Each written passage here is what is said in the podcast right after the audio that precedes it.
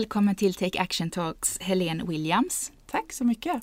Du är doktor i miljö och energisystem på Karlstads universitet där du bland annat forskar kring förpackningar och matsvinn.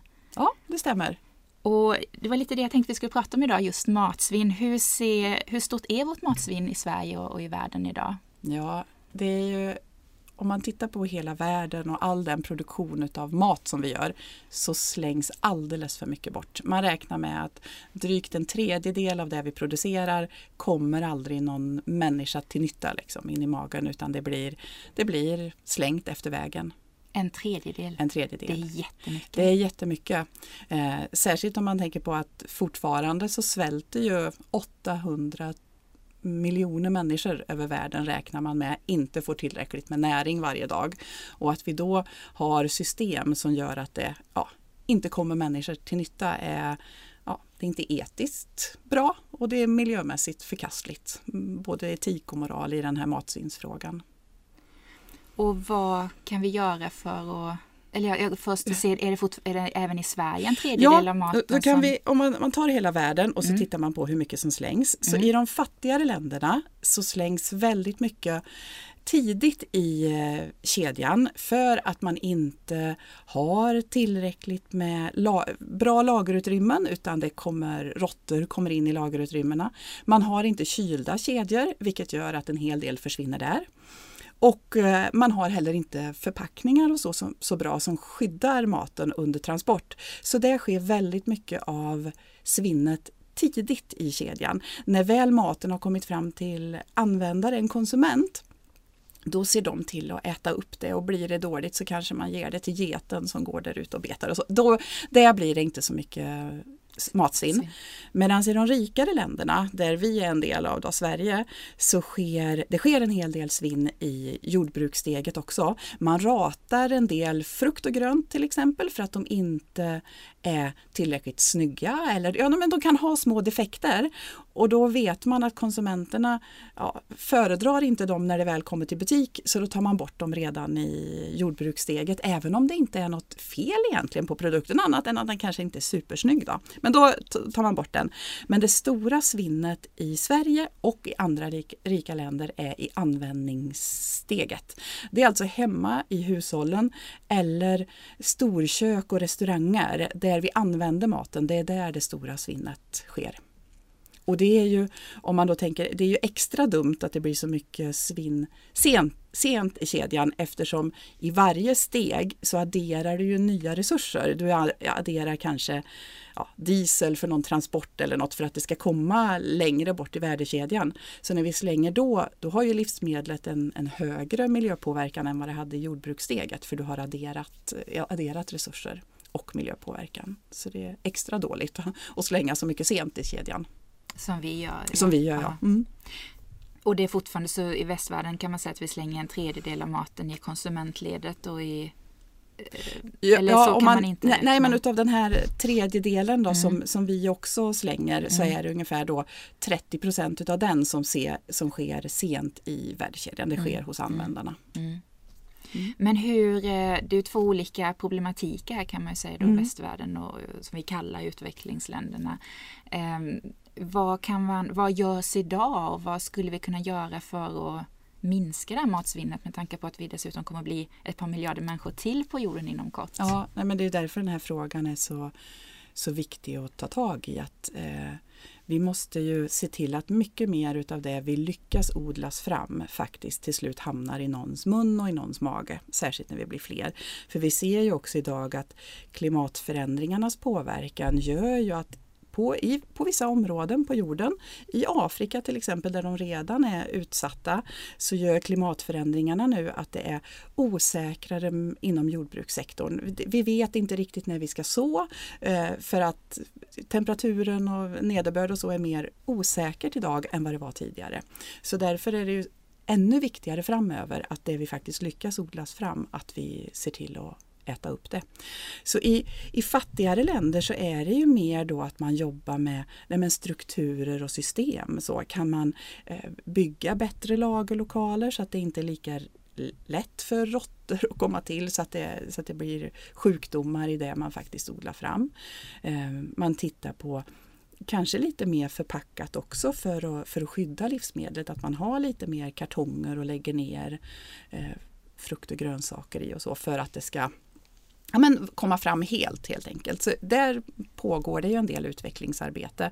Jag vet att FN och FAO håller på med olika program i, i fattigare länder för att se hur kan man se till att mindre mat slängs. Så, så det är ju en, den här frågan om matsvinn är ju högt uppe på FNs agenda och är ju en del av de globala målen. Mm. Eh, finns det ju med att vi i världen ska halvera matsvinnet till år 2030. Och det är snart. Och det är ganska snart. snart så vi, ja. Det är bra att det är igång arbetet ja. men mer behöver göras. Ja. Ja. det var, och, och det var de fattiga länderna ja. Om vi då går lite mer till de rikare länderna där Sverige är så, så eh, görs det ju också massor på olika plan kan man säga. Dels är det ju då att många skolor och restauranger har uppmärksammat det här och framför, ja, så i offentlig sektor där skolor och sjukhus och sånt är en del. Det gör man ju mycket mer nu för att dels, en sak är att börja mäta sitt matsvinn, hur mycket slänger vi och det är det många som gör och så får man lite statistik på det. Och så sätter man mål och vad kan man göra, vad kan man göra annorlunda för att se till att, ja, men att barn i skolan får plocka själva och så säger man då ta lite och så tar du om så där så att man inte tar för mycket på bufféer är ju en sån. Man kan minska storleken på tallrikarna lite för att heller inte överfylla när det är bufférestauranger. När det gäller hushållen så är det ju, den är ju lite klurig då, för där finns det ju en hel, eh, en hel värdekedja Eh, och producenter som faktiskt tjänar pengar på att vi konsumenter kanske slänger då 20% av det vi bär med oss hem slänger vi bort. Och det är klart, då har ju hela den kedjan sålt 20% mer än vad de behöver. Så det här att jobba med att konsumenten ska slänga mindre det gör företag idag, men det är väl kanske de mest då engagerade som faktiskt och de som tror på en hållbar utveckling och faktiskt tror på att det är ingen strategi för framtiden att få konsumenterna att köpa så mycket som möjligt och sälja. En del kanske fortfarande tycker det är käckt så för då får vi sälja mer, men de här som menar allvar med hållbar utveckling och har insett liksom vilken framtid vi går till mötes, de, de menar, så det är ju ett antal företag som försöker hitta lösningar och så som gör att man inte nej men säljer för mycket till konsument. Så, och då är bland annat kommer vi in på förpackning då, för det är ju att förstå i Sverige är vi ju det land som har flest singelhushåll. Vi, vi har väldigt mycket små hushåll. Och då kan man ju titta på när man går ut i en butik, har vi, har vi rätt storlekar eller är det väldigt mycket familjeanpassat eh, och så finns det inte så mycket små förpackningar så att de som bor i ensamhushåll kan köpa rätt mängd än att måste man köpa för mycket och så, och så blir det över. Men jag tänker också, det är ju jättebra att man kan köpa mindre förpackningar men då gäller det väl också att de förpackningarna är nedbrytbara eller återvinningsbara eller hållbara för det blir inte bra om det blir för mycket för att öka antalet förpackningar bara för att de är mindre Nej, heller. Nej men, men det är en av de delarna mm. som vi har räknat på mm. för att mm. faktiskt visa på kan det vara okej okay att mm. göra en bättre förpackning. Mm. Kanske, för adderar du en återförslutning mm. eller gör du en mindre förpackning då blir det ju mer förpackningsmaterial per kilo produkt. Men eftersom maten ofta står för 95% av en klimatpåverkan och förpackningen på 5 mm. så är det så viktigt att se till att vi använder förpackning som gör att maten äts, äts upp. För det är maten som är det viktiga. Sen har vi ju tack vare på grund av eh, eh producentansvaret på förpackningen så har ju förpackningen hamnat väldigt i centrum för att den är dålig för miljön. Och det finns fortfarande mycket att jobba med. Men det är ännu viktigare då när man börjar räkna på siffrorna vad är stort och smått att vi faktiskt ser till att mer mat kan konsumeras. Så då kan, även om man då ökar mängden förpackning något för att göra mindre förpackningar, så är det, den kalkylen går väldigt ofta att räkna hem mm, ur klimatsynpunkt i alla fall när man tittar på, på data. Lite emot vad den allmänna bilden är. så. Ja, att mm. vi ska så källsortera ja. förpackningar. Jo, men, det, men det, det, är bra att du tar mm. upp den för ja. den är också viktigt. För i ett land som Sverige där vi har fungerande återvinning, där kan man göra mer med förpackningar och på en marknad där man inte har fungerande återvinning, då måste man vara mycket mer försiktig med hur mycket förpackningsmaterial sätter man ut på en marknad som inte tas hand om sen. Så, det, är, ehm, så det finns liksom inte ett svar för hela världen utan det, är, det jag sa nu är väldigt mycket då utifrån ett svenskt sammanhang där, där faktiskt återvinningen fungerar. Och det tycker jag idag, när, för det pratas ju en hel del om, om plasten i havet och det mm. är ju faktiskt förskräckligt. Det tycker jag också hur hur, eh, ja, hur arter blir påverkade och hela ekosystem både med mikroplasterna och de större plastbitarna som hamnar i havet. Men det Därmed inte sagt att vi kanske ska ta bort allt det för att inte skydda maten utan där måste vi ha liksom en balanserad diskussion om hur mycket eh, när eh, fyller plasten en funktion för att faktiskt då skydda ett livsmedel eh, som kan vara viktigt så att vi inte slänger och då jobba ännu, ännu hårdare med att vi verkligen har fungerande återvinningssystem. För det är ju att vi inte har det som gör att plasten finns i havet. Så, så det, det finns mycket att göra på återvinningssidan fortfarande, speciellt ja, runt om i världen. Vad, vet du hur, hur, vi är ju väldigt långt fram med återvinning i Sverige. Vet du hur det, hur det ser ut lite i resten av världen? Eller? Ja, det, eh, eftersom vi har eh, ett ett, producentansvar i hela Europa så har man ju då ökat nivåerna på hur mycket man ska samla in och hur mycket man ska materialåtervinna utav det som samlas in och så. Så att det går ju uppåt i alla europeiska länder. Sen även i, i Asien håller man ju på tillsammans då att diskutera hur ska vi hjälpas åt att samla in men det är fortfarande väldigt lång resa att göra har jag förstått i de länderna innan de är mm, där vi fram. är. Ja, där vi är idag. Mm. Vi har ju haft lättare också i och med att vi har haft ett EU och kommit överens om saker och så sätter man nivåer och så händer det någonting om man inte når det. Medan i, i Asien, i de initiativ man har haft i flera länder diskuterar återvinning. Så ja, men det är lite, ja, lite svårare att komma överens. Och, mm.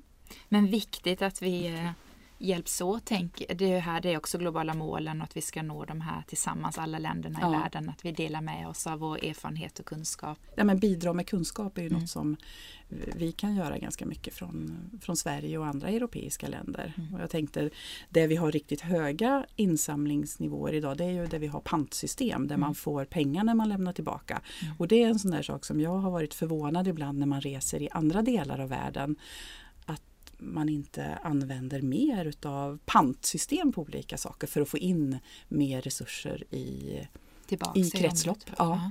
ja, för det behöver inte bara vara, vi är så vana att panta flaskor, det skulle mm. kunna gå att panta så mycket fler. Ja, men man kan ju ha det på material. Ja, det är så jag menar. Ja, i en del fattiga länder där man mm. inte har så mycket där man mm. fick om man, man fick betalt per kilo mm. plastmaterial man har samlat in helt enkelt och så kan man sälja det till någon som då materialåtervinner. Ja, under, eh, också säga under humana eh, omständigheter. Ja. Vi vet ju hur det går till på soptipparna i ja. Afrika och liknande där ja, de samlar in nej, per kilo. Det var ju det, att, ja, precis, hållbart mm. ur eh, människoperspektiv och eh, miljöperspektiv. Ja, definitivt. Men tillbaka till maten.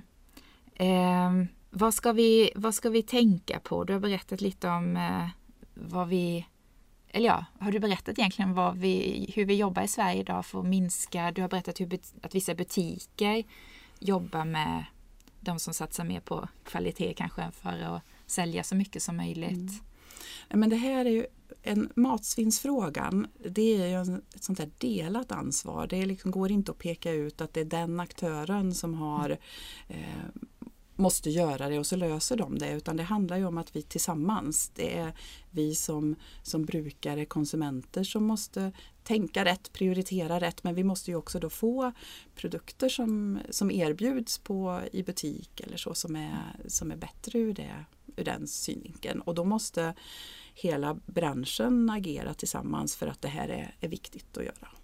Ta fram mm, ja, lösningar som, blir, som gör att vi inte slänger mat. Och vad, har du några förslag på hur detta ja, vi kan ta eh, vi kan ta konsumenten sen, men vi kan ta då vad, vad, en, vad en kedja kan göra. Så är det ju och, eh, om man tänker sig producenter som tar fram mat och sen så säljs det i någon utav de butikskedjor vi har i Sverige så är det ju att till exempel en av de viktigaste sakerna vi har sett i forskningen är ju det här som jag var inne på förut lite med storlek. Hur stora förpackningar ska vi erbjuda mm. konsument? Mm. Det finns också en tendens i handeln fortfarande att man har köp tre, betala för två. Mm. Eh, jag har ju velat sett nästan ett förbud mot det och jag vet att både Naturvårdsverket, Livsmedelsverket som är, och Jordbruksverket delar ju ansvaret i matsvinnsfrågan i Sverige. Har man ju haft uppe det. Ska det vara okej okay att locka till mer köp på det sättet? Och man har då inte velat gå in med lagstiftning utan sagt att man frivilliga överenskommelser och handeln borde. Jag roar mig fortfarande lite varje vecka med att titta på de här bladen. De finns ju även på nätet så där som går ut med reklamblad. Och det förekommer ju från alla eh, kedjorna, stora kedjorna fortfarande, att man lockar till merköp även på färskvaror. Ja, om man lockar till merköp på pasta spelar mm. inte så stor roll, för vi slänger inte pasta för att det står och blir gammalt i skåpet. Men det är ju färskvaror och då pratar jag om allt i mejerihyllan till exempel. Vi kan prata ja, köttprodukter och så där det är ja, men kortare hållbarhetsdatum. Och där ska man ju inte locka till merköp anser jag, men det gör man fortfarande. Så där, där har handeln en sak de kan jobba med. Eh, men sen då handlar det om att förstå hur ser behoven ut där ute så att vi gör bättre lösningar helt enkelt och tar fram, ja, även om det då blir mer material, jag vet det, men den kalkylen går att räkna hem så mm. väldigt ofta för att det är så dåligt att slänga mat mm. ur klimatsynpunkt. Ja, med tanke på att du sa 95 procent, eller maten står för 95 procent av ja. utsläppen och förpackningarna ja. för 5 procent. Och det är ju naturligtvis en förenkling. Ja. För vi kan ju hitta produkter där ute där det är en annan balans. Men lite det man har gjort när man tittar sådär lite mellan tummen och pekfingret mm. så ser det ofta ut. Och sen finns det ju de produkter som där förpackningen står för en ännu mindre del. När vi pratar om de produkter som har riktigt stor klimatpåverkan. Tar vi nötkött till exempel som det ju mm. pratas om en del i debatten. Och om jag då tittar på en förpacknings påver förpackningens klimatpåverkan i relation till nötkött så är ju den mindre än 1 procent. Så, så det beror på vilken produkt vi tittar på. Men därmed då att produkter som har ett, en stor klimatpåverkan när vi tittar på till exempel nötkött och, och vi pratar ost, då är det ju ännu viktigare att se till att faktiskt allt äts upp och att man tittar mer på hur, stor, hur stora mängder ska vi erbjuda så att det inte slängs utav dem. Mm. Och också då viktigt de här produkterna som vi slänger mycket av och då pratar jag frukt och grönt. Där är produkter som det slängs väldigt mycket av och vi slänger en hel del bröd. Och då kan man också fundera på de här där vi har kanske svinnnivåer på 30 procent utav vissa saker. Vad, vad kan vi göra? Hur kan vi göra det annorlunda så att man, att man framförallt minskar dem det slängs så mycket av. Mm. Du sa att vi återkommer till konsumentperspektivet. Ja, ja det kan jag. Eh, väldigt mycket av vad, vad vi som konsumenter bör tänka på när vi går till affären. Det handlar ju om att köpa det vi behöver. Och det kan ju, på ett sätt så är det ganska trivialt, det är, hur svårt kan det vara? Men det är ganska svårt också för vi, vi går så det här att faktiskt göra den där planeringslistan. Vad är det jag behöver nu? Hur ser det ut de närmaste dagarna? Och att du tar det och att du vet att när, har det där i bakhuvudet att när butiken har ställt upp något på, på kanten i en butik så är det för att locka oss till, till mer köp eller att man då har sänkt priset på någon vara. Men att vara lite strikt där, att men nu är det det här jag har tänkt att vi ska äta och laga. Det Eh, det minskar svinnet. Och vi har också i en studie så tittar vi på de här, man kan fundera på det för familjer som storhandlar kontra familjer som handlar oftare och mindre mängder. I den studien vi gjorde så var det liksom signifikant tydligt att de som storhandlade slängde mer än de som handlade eh, oftare och mindre mängd. Eh, och sen då blir ju det en balans någonstans. Åker man då bil och handlar, ja då blir det en påverkan. Så det är, men utifrån ett matsvinnsperspektiv så man kan fundera på det om om man storhandlar eller vilka produkter du tar på storhandling. Att storhandla som jag sa, pasta, eh, potatis håller sig ju en, en tid i, i kylen också naturligtvis. Så de produkterna som inte är så känsliga, där kan man kanske storhandla och ta dem. Men det här som det är lite kortare hållbarhet på så att man då köper det oftare. Och då är det ju annan frukt och grönt bland annat mm. eftersom vi också slänger mycket av det. Mm. Frukt och grönt, mejeriprodukter, kött och så vidare. Ja. Mm. Men det, det är nog det första och viktigaste steget det där att jag inte köper, köper med mig för mycket mm. Hem. Mm. Och sen är det ju också hur jag tänker när jag lagar mat. Där eh, tänker många att eh, jag vill inte att maten ska ta slut. Eh, jag, jag, jag, lagar lite extra så det finns. Och den, den strategin kan ju leda till matsvinn i slutändan. Eh, man kan också tänka att jag lagar det här, det här är rimligt och skulle det vara sen att det, det blev lite snålt för barnen var extra hungriga eller jag var extra hungrig idag så kan man ju eh, ta lite mer grönsaker till eller man kan addera en smörgås eller något för att man inte, så att man inte är så rädd för att det ska ta slut. Mm. Om man nu lagar mycket och det blir över och det blir eh, att man kan göra matlådor naturligtvis, då kan man ta med dem till jobbet eller man kan spara det i kylen. Sen flera och det beror ju på, ibland gör man matlådor och så är det många som glömmer matlådorna så de blir ändå stående så kommer man till jobbet och bara åh nej jag glömde min matlåda. Ja, i alla fall, så det kan finnas rester över. Och sen flera år, så jag själv i min familj, vi införde ja, restaurangtorsdag det betyder att då är man på restaurang och man kan välja lite. Och, men då får man välja de, de rester som är kvar, så då är det lite först till kvarn. Så jag tar fram allt det som har blivit över och så delar ut och så får man, ja men jag tar det där och jag tar det där. Eh, och är det då för lite så kanske jag gör en extra omelett eller något för att addera upp, för det räckte inte till, för vi är fem personer i, i min familj. Då. Och, så, och det har jag hört från flera som tillämpar en dag i veckan när man tömmer kylen på det som har blivit över. Sen är det en del människor som är duktiga på att använda frysen, att man fryser in och gör matlådor. Men jag har hört från så många att man man tänker att jag sparar det i en matlåda, man fryser in det och sen fyra och en halv månad senare så hittar jag något i frysen och bara vad är det här? Och det finns ett, ett begrepp, eh, UFO, Unidentified Frozen Objects, oh. ja, i frysen. Jag tycker det är lite roligt. Men det säger också utifrån mm. beteende så är det eh, ganska många har, som har ändå svårt att, hantera, att ha en bra hantering med frysen så utan att det blir för en hel del konsumenter blir en, en mellanlagring för att sen bli matsvinn. Då. Och då, så i min familj och i många andra familjer så funkar det här med en, en restaurang, en restdag väldigt bra för en hemmarestaurangdag. Ja. Hemmarestaurangdag, ja. ja. Så det, det vill jag verkligen rekommendera och testa. För det, jag tycker det är riktigt bra så. Så det gör att då tömmer vi allt det där som har ja, en liten bit pasta där, lite ris och lite, ja, det... det låter som ett toppentips tycker ja. jag. Och särskilt om man är, eller det funkar ju som om man är singel också, ja. men att man tömmer. Eh, ja. ja.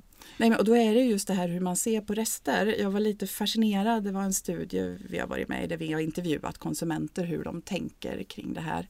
Och då visar det sig att det är ganska många som tycker att ja, men nu, det här åt ju jag igår och det är jag inte sugen på.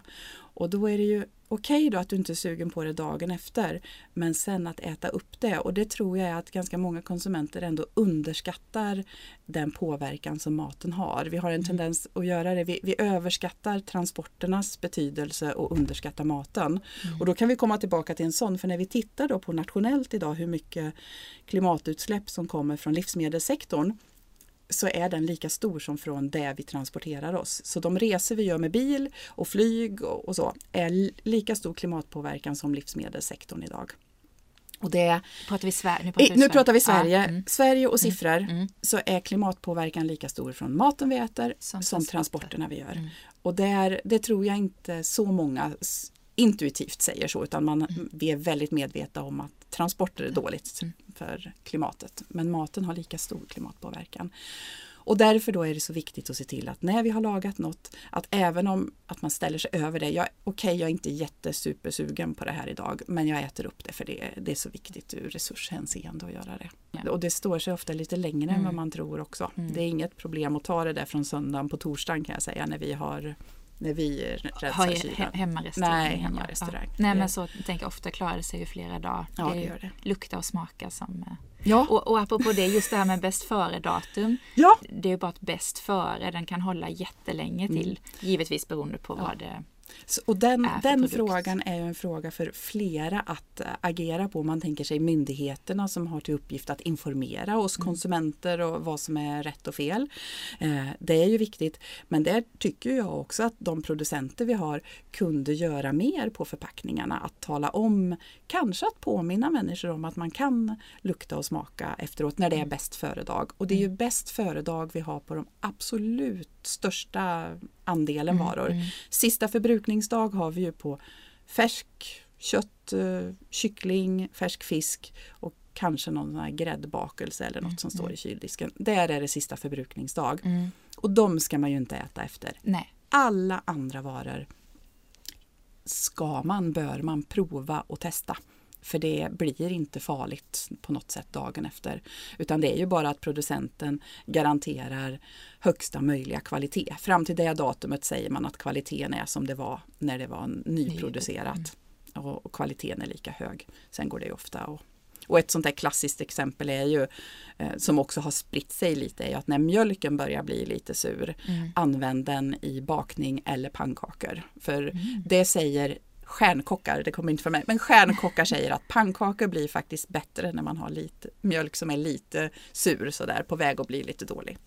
Så det är tips när man, när man ser att man har, oj nu har jag en halv liter mjölk här som är på väg att bli dålig. Då blir det pannkakor. Då kan man fira med pannkakor. ja, men eh, lite back to basic, lukta och smaka just när det är bäst för. Eh, ja, nej, men det, det är jätteviktigt. Mm. Ja.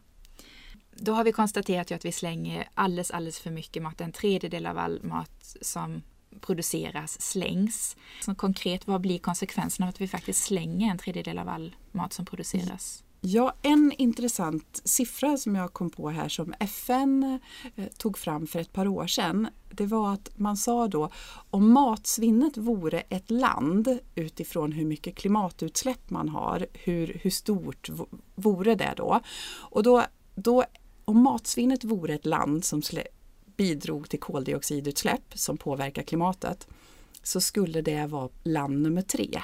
Det vill säga Kina släpper ut idag mest klimatpåverkande mm. gaser. USA kommer på plats nummer två och plats nummer tre kommer matsvinnet. Så stora klimatutsläpp blir det i onödan utav den mat som vi inte äter upp. Varför blir det så mycket klimatutsläpp i mat då? Nej, men det är att alla steg som är förknippade med produktion av mat går det åt resurser.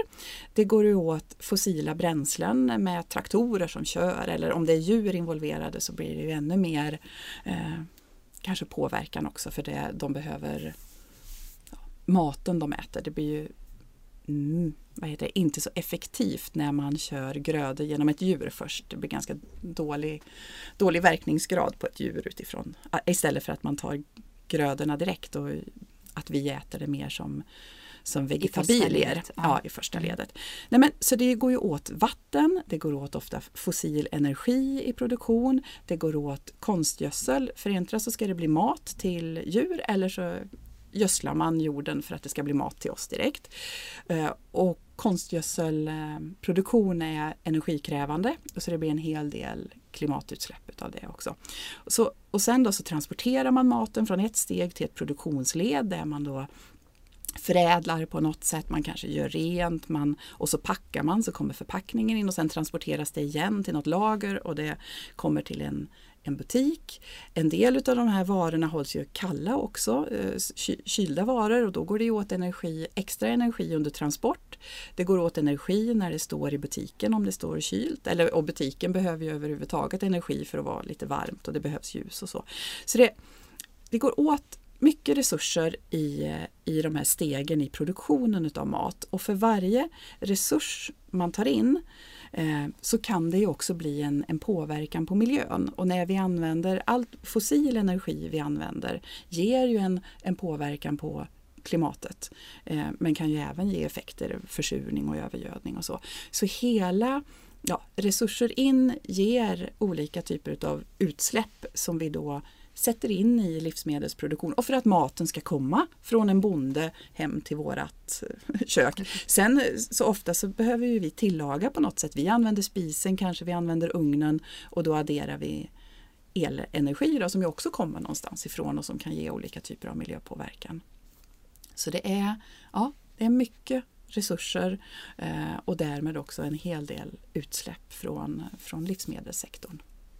Och det är det som gör att det står för att maten har lika stor miljöpåverkan som alla transporter. Om vi ja, nu tar Sverige. Och, men... Ja, och då, var, mm. eh, och då var det just klimatpåverkan. Mm, för det är mm. också eh, Idag i, i Sverige eller ja, i hela Europa och i världen så pratar vi väldigt mycket klimatpåverkan mm. och det är ju viktigt för det är ju ett, det är ett akut reellt problem. Det är ju forskarna har sagt att vi bör absolut inte gå över den där två grader temperaturökningen för då är vi väldigt osäkra på vilket nytt tillstånd jorden kan hamna i och, och vilka konsekvenser det får. Så, och där har ju världens ledare äntligen insett att vi måste sätta mål vi måste försöka nå det här tvågradersmålet så att inte medeltemperaturen ökar mer. Eh, och, och, det är ju bra. Men det gör också att vi har ett fokus på eh, klimatfrågan vilket gör då att andra miljöfrågor kanske inte får så stort utrymme som de borde få ha. Och när det gäller livsmedel så använder vi också en hel del bekämpningsmedel. Tittar vi på djuruppfödning och djursidan så används ju mycket antibiotika och då kan vi säga inte i Sverige dock. Vi är ju en utav, eller Skandinavien är ju ändå en bra region eller Skandinavien. När det gäller antibiotika så är det väl Finland, Norge och Sverige som är mm. riktigt duktiga. Danmark är inte lika duktiga. Så danskt kött har mer antibiotika. Så det kommer ju in i livsmedelsproduktion och djuruppfödning så kommer det in många, många fler miljöaspekter som påverkar miljön. Och vid odling så använder man ju ofta bekämpningsmedel och det blir mm. kemikalier som sprids i naturen och man bekämpar ogräs med, med kanske Roundup som kommer ut i vattnet. Och så. så det är väldigt mycket olika miljöpåverkan som är förknippad i livsmedelsproduktion. Och ska vi ta, då har vi även vattenanvändning som mm. inte är så stort problem hos oss Även om vi också har sett det nu senaste året med att grundvattennivåerna i östra del, sydöstra delarna av Sverige har varit låga och det har ju inte vi haft förut. Men tittar man i andra delar av världen så är ju eh, att använda vatten till jordbruket är ju jätteviktigt och så är det då osäkrare också på grund av klimatet att det kanske är svårare med vattentillgång och så behövs det ändå för att grödorna ska växa. Så om man tittar på livsmedelsproduktion och konsumtion eh, och relatera dem till de globala målen vi har så är ju livsmedel och mat med på otroligt många. För det handlar ju om ja, men hunger och fattigdom mm. och sen är det då de här många utav miljömålen finns i livsmedelsproduktion. Så, att, så vi människor har en tendens att underskatta faktiskt hur mycket resurser och miljöpåverkan maten har. Eh, och om vi insåg det så kanske vi också skulle värna den här resursen lite mer och tänka att oj vad mycket resurser det är och mycket påverkan. Så det här måste ju jag vara rädd om. Och det, de signalerna får vi ju inte riktigt idag eftersom maten är då förhållandevis billigt. Vi har ju aldrig betalat så lite för maten utifrån vår disponibla inkomst som vi gör just nu. Så det signalerar ju, ger ju inte riktigt rätt signaler om att det här är värdefullt och nu ska vi värna när man pratar väldigt mycket pris och det är billigt och sådär. Vad tror du behöver göras för att kanske vi i västvärlden då ska inse, som precis det du sa nu, att vi kanske inte kopplar det här att maten faktiskt har så stor påverkan eftersom den är så billig för oss mm. och finns i sådana mängder. Vad, har du några ja, idéer? Eller jag kanske skulle tycka att vi, vi borde mm, höja momsen på mat. Mat mm. borde vara dyrare för att ge rätt prissignaler. Men då blir ju andra mm. sociala problem med de som redan idag har det tufft och lever på marginalen. Mm. Men det kanske man kunde lösa då på andra sätt än att signalera att maten ska vara billig. Då. Jag, ja, nej men det, jag tror det blir svårt att hantera det att maten är så billig och att vi ska tänka på det att det här är värdefullt. Så, det, så där, det behöver vi, den behöver vi jobba med. Och då är det, så, det är både, så det behövs ju en stor fortbildning. Så vi behöver ju hjälpas åt. Media behöver lyfta upp det här. Myndigheterna behöver prata om det. Framförallt då behöver skolan prata mycket oftare om det och att man ska vara, vara rädd om maten och varför man ska vara rädd om maten. Mm. Ja, ja, precis. Dels för den stora klimatpåverkan mm. och miljöpåverkan.